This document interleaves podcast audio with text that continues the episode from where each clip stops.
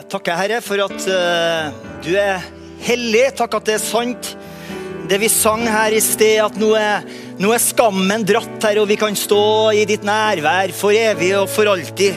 Fordi at skylda er betalt. Takk at du kom for å løfte skam og skyld av menneskeheten, Herre. Du kom for å være menneskehetens aller, aller beste venn. Takk at dine armer er åpne for alle sammen i dag som, eh, som lytter på YouTube, som er til stede her i salen. Dine armer er utdrakt, ikke for å dømme og for å straffe, men for å løfte opp, Herre. Vi takker og vi priser ditt hellige navn i Jesu navn. Amen. Amen. Hjertelig takk til Simon og til eh, Johan. Og så er vi glad nå for å eh, gå inn i Guds ord igjen. Det er herlig å nok en gang få lov til å preke igjen her i Betel. Begynte å kjenne på litt at jeg ble litt prekesjuk i det siste. Eh, og Så skal jeg bare da holde på i 15 minutter i dag. Så for å spare litt grann tid, så må du love meg at når jeg er ferdig her i dag, så slår du opp i apostlenes gjerninger, kapittel 9 fra vers 10 til vers 30, og så leser du det etterpå. Fordi at alt jeg skal si her nå, det står der. Men jeg skal gi deg kortversjon av det som står i Apostlenes gjerninger 9. Kortversjon finner du i Ordspråket, kapittel 17 og vers 17. Der står det En venn elsker til enhver tid. Og en bror, han er født for å hjelpe i trengsel. Det er flotte ord. En venn elsker til enhver tid. Og en bror er født for å hjelpe i trengsel. Da første verdenskrig tok slutt, så ønska kongen og dronninga av Belgia de å ære president Herbert Hoover for den hjelpa som de hadde mottatt da, i løpet av krigen fra USA. Og eh, Det sies at Herbert Hoover han hadde redda hele Belgia fra en fryktelig sultkatastrofe. Og Etter å ha vurdert eh, forskjellige tilgjengelige kongelige ordener og utmerkelser, så eh, tilbød kongen av Belgia Hoover at han kunne velge mellom tre utmerkelser, tre ordener. Men han avviste dem alle sammen. Og så sa han til kongen av Belgia at du du konge, du har stått ved sivilisasjonens port, og du har holdt tilbake aggresjonens flodbølge. Mens vi, vi har jo bare delt med dere det som vi hadde å gi. Og for det kan man ikke be om en utmerkelse. Likevel så ønska kongen av Belgia å uttrykke sin takknemlighet på en tilstrekkelig måte. Da. Så da oppretta han en ny orden som bare Herbert Hoover innehar. Og den heter for 'Friend of the Belgian People'. Det belgiske folks venn. Det er flott. Og jeg tror at de fleste mennesker søker venner. Gode venner. Av og til når livet rystes, så trenger man ikke først og fremst noe spektakulært. Men man trenger en venn. Eh, mange av oss som leser eh, i Bibelen, vi kjenner jo historien om apostelen Paulus. Han ble jo kalt Saulus først. da. Og Vi kjenner til den historien om hvordan han ble omvendt. Eh, I dag så skal vi se på den historien, for det er den historien du skal lese etterpå. nå, ikke sant? Fra Apostelens gjerninger 9. Men vi skal se på den historien fra et litt annerledes perspektiv. Prøv å forestille deg en ensom Paulus. De tre siste dagene så har han opplevd og kjent på en ensomhet som aldri før. For tre dager siden så var han på vei fra Jerusalem til Damaskus. Det er, det ei reise på ca. 240 km, 24 norske mil. Han reiste 240 km på støvete veier for å hindre framveksten av eh, kirka, av Guds menighet. Så plutselig, når han nærmer seg Damaskus, rett før han, liksom, han, han, er sikkert klar for å ta seg en varm dusj og en god eh, middag. Eh, og Han har jo eh, reist i 240 km. Da er du ganske sulten på en eh, hesterygg. Plutselig så blir han blind. pga. et blendende lys. Alt ble mørkt. Og det forble mørkt i tre dager. Og så kommer det noen ord ut fra himmelen. Ord som gjør at Saulus oppdager at alt det han fram til da hadde trodd var sant, var feil. Jesus var ikke fienden. Jesus var herre. Og Jeg ser for meg da Paulus i det her mørket, som da sannsynligvis begynner å tenke at liksom, det, her, det, her, er Guds dom. Hva, hva vil skje framover nå? Vil det bli verre? Får jeg i det hele tatt lov til å leve etter det jeg har gjort imot Guds menighet? Midt i den situasjonen så åpenbarer Gud for oss det vi kan kalle for kraften i en trofast venn, eller kraften i en god venn. I denne situasjonen så skulle Paulus få lov til å møte det som kom til å bli to av hans aller beste venner. Først så leser vi der i Apostlenes gjerninger 9 at Gud befaler Ananias om å oppsøke Saulus. Og Pga. Saulus sitt rykte så leser vi at Ananias han blir redd. Men han gjorde som Gud sa. Du vet, det lønner seg. Det lønner seg alltid å gjøre det som Gud sier. Han gjorde det som Gud sa, og ble Saulus sin første venn da, i denne nye Guds familie som starta på pinsedag. For det andre så ble Barnabas Paulus sin forsvarer og venn i Jerusalem. Det skal vi komme tilbake til helt på slutten. Hvis det ikke hadde vært for Barnabas, så ville sannsynligvis Saulus ikke blitt tatt imot av apostlene i Jerusalem. Og som venner av Saulus, eller Paulus da om du vil, så var Ananias og Barnabas med på å forandre verden.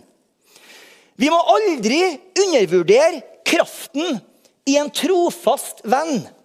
Og det er viktig at vi sjøl blir sånne trofaste venner til mennesker omkring oss her i kirka, selvfølgelig, men også med mennesker i vår verden. Og Jeg skal gi deg i dag fire enkle ting som kjennetegner trofaste venner. Er du klar? Nummer én trofaste venner, de er der. De er der. Jeg regner med at når jeg bruker uttrykket venn eller bestevenn, så er det mange av dere som får et bilde av noen personer i hodet ditt akkurat nå. Venner. Mennesker som på en eller annen måte er med deg.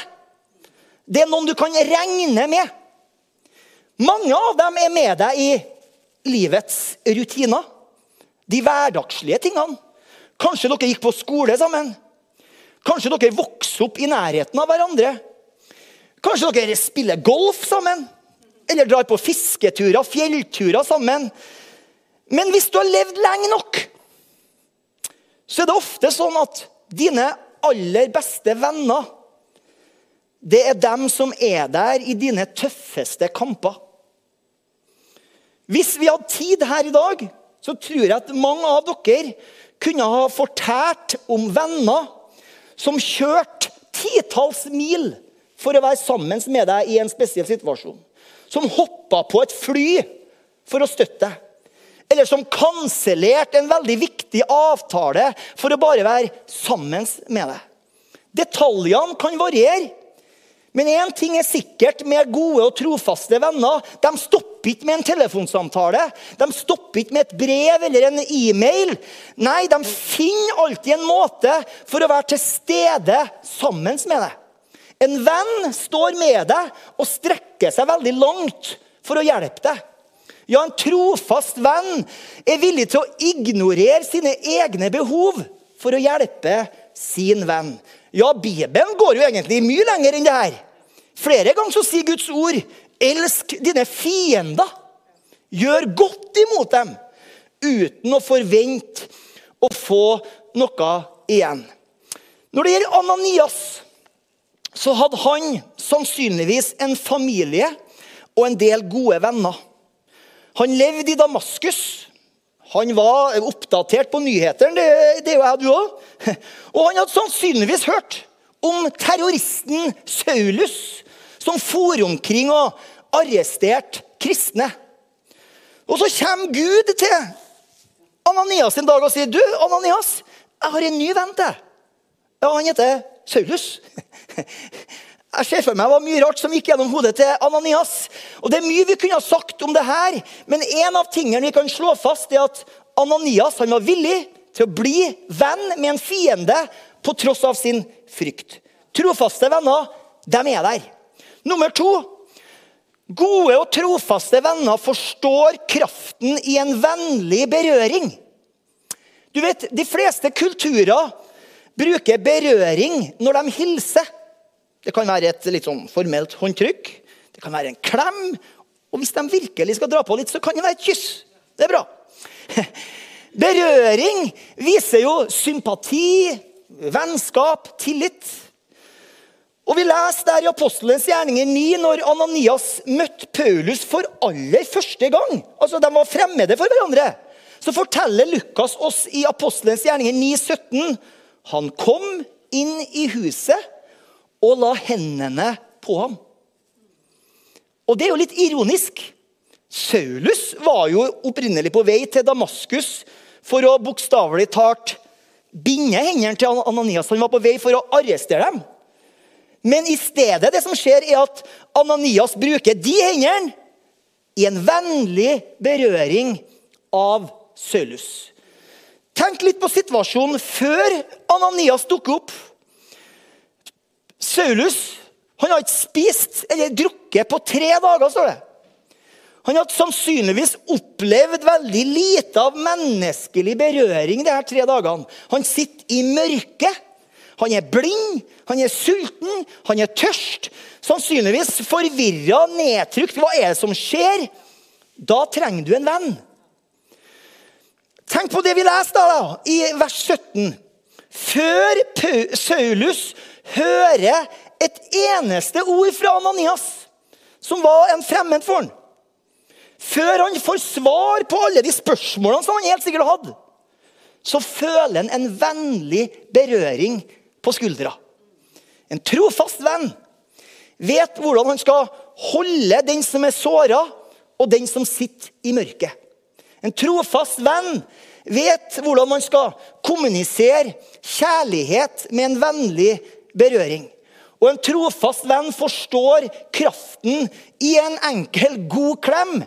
Og, og han skjemmes ikke for å holde litt lenger enn vanlig. Ikke undervurder kraften i en vennlig klem. Og hvis det ser ut som jeg trenger det en dag, gjerne et kyss på begge kinnene. Helt greit. Tar det får. Eh, nummer tre. En trofast, god venn taler rette ord i rett tid. De første ordene som Ananias sa til Saulus, var følgende. Bror Saulus. Tenk det. Bror Saulus. Herren selv, Jesus, som viste seg for deg på veien. Han har sendt meg for at du skal få synet igjen og bli fylt med Den hellige ånd. Det er ikke sikkert vi forstår kraften i de ordene, men jeg tror at Saulus aldri glemt den dagen hvor Ananias kalte han for bror for første gang. For det betyr samme familie. Vi er i samme båt. Vi er brødre. Han satt i mørket i tre dager uten mat, uten drikke eller noen form for oppmuntring. Og så får han de her ordene. Bror Saulus. Riktige ord til rett tid. Det siste punktet det er at gode venner, trofaste venner, vakler ikke i sin støtte. Ca. tre år etter hendelsen i Damaskus så drar eh, eh, Saulus, eller Paulus da, til Jerusalem for å møte apostlene. Og jeg ser for meg at Da hadde han sikkert mange forventninger liksom, og, og, og, og, en del forestillinger om hva som skulle skje i Jerusalem når han kom dit. Han skulle få møte Peter og Johannes. Ah, Sterkt, liksom. Han skulle få møte Jakob. Han skulle sette seg ned med Bartolomeus, Simon Seloten. Han skulle spise middag med Thomas osv. Han skulle få møte dem alle sammen. De her disiplene som hadde gått sammen med Jesus i tre år. Og han skulle slite dem ut med alt mulig av spørsmål om Jesus sin herre og frelser. For han lurte jo sikkert på mye. Men når han kom til Jerusalem, så kunne han ikke finne en eneste disippel. Og han prøver da sikkert i flere hus som de skulle være. Men de var ikke der. Husene var tomme. Og etter noen dager med leiting så begynner sannheten sakte, men sikkert å sige inn på Paulus. De gjemmer seg for meg. De gjemmer seg for meg. De hadde hørt at han hadde kommet til tro, men de trodde ikke på det. De var redd for han, sier Bibelen. Akkurat i den situasjonen så trengte Paulus en venn. Og en venn fikk han. Vi leser, det står sånn i Apostelens gjerninger 9. Barnabas tok ham og førte ham til apostlene. Paulus forklarte dem hvordan han hadde sett Herren på veien, og at han hadde talt til ham. Og hvordan han frimodig hadde forkynt Jesu navn i Damaskus. Så var han sammen med dem og gikk inn og ut blant dem i Jerusalem. Barnabas han er et vakkert eksempel. Og sånn det var da, sånn er det også nå. En trofast venn står med deg, står opp for deg og vakler ikke i sin støtte. Hvis du har en sånn venn, da er det en kilde til stor kraft.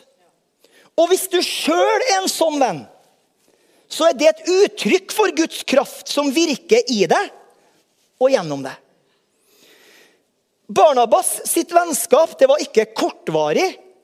Nei, Når du studerer Bibelen, så vil du se at det var langvarig. Etter møtet med apostlene i Jerusalem, i apostelens gjerninger 9, så forsvinner Paulus litt. Og han dukker ikke opp igjen før et stykke ut i kapittel 11 i apostlenes gjerninger. Da har det faktisk gått mellom fire og fem år. Og Da begynner de jo å lure litt på hvor har det blitt av den ivrige, nyomvendte Paulus. Da, i den situasjonen, var det en venn som dro for å finne Paulus. Og Det står sånn i Apostelens gjerninger 11. Så reiste Barnabas derfra til Tarsus for å oppsøke Saulus. Og da han hadde funnet ham, tok han ham med til Antiokia. Slik skjedde det at de gjennom et helt år var sammen med menigheten og underviste et stort antall mennesker. Det var i Antiokia de første Eh, det var i Antiokia disiplene først ble kalt kristne. Barnabas leser vi var sammen med Paulus i et helt år. Og deretter et helt liv på en eller annen måte. De starta menigheter sammen. De var på misjonsreise sammen. Og selv med litt uenigheter så sto de sammen midt i uenigheter. En trofast venn vakler ikke i sin støtte. Da kan lovsangerne komme opp, og så skal du få en kort konklusjon. Det er bra.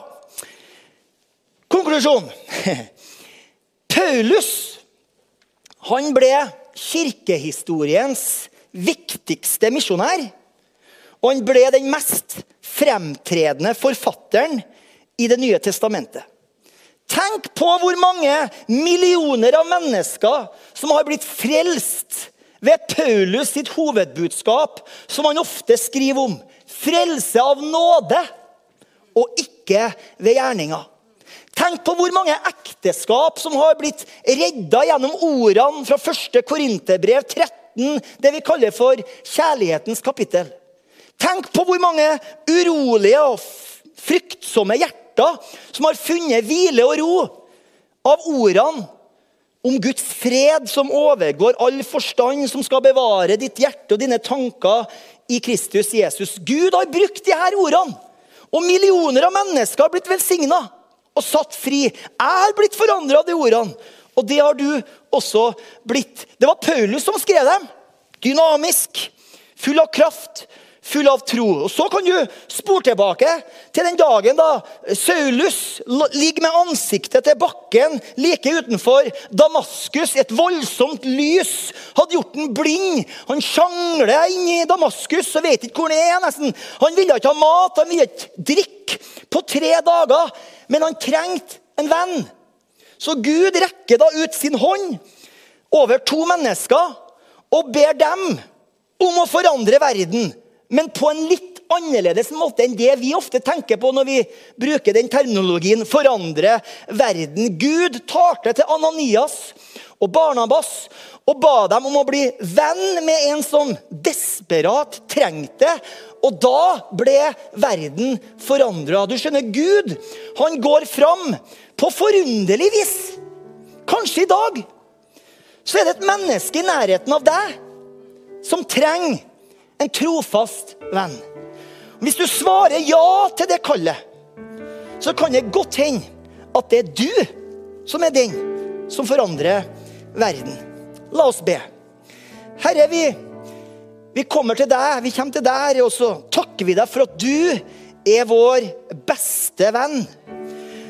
Og Jeg ber for dem som føler på mørke, som kjenner på usikkerhet, som sitter her akkurat nå med frykt, med uro og opplever ensomhet i livet. Herre, jeg ber om at du, midt i utfordringa, jeg ber om at du sender mennesker i vår vei som kommer og bidrar med styrke i vår sjel, Herre. Det står i ditt ord at den dagen jeg ropte, da svarte du. Du gjorde meg frimodig, og i min sjel kom det styrke. Jeg ber om at det må skje i mitt liv. La det skje i alles liv som venner seg til deg og roper til deg i sin nød. Jeg ber om det, Herre, i Jesu Kristi navn. Kanskje du ikke kjenner Jesus som din herre og din frelser. Og Det er mye vi kunne ha sagt om Jesus. Men det som er helt klart, det er at Jesus han er menneskehetens aller beste venn. Og det ble sterkest demonstrert da han ga sitt liv på korset for min synd og for din synd. Guds armer er utstrakt til deg for å gi deg det du trenger aller, aller mest. Og det er å bli venn med Gud.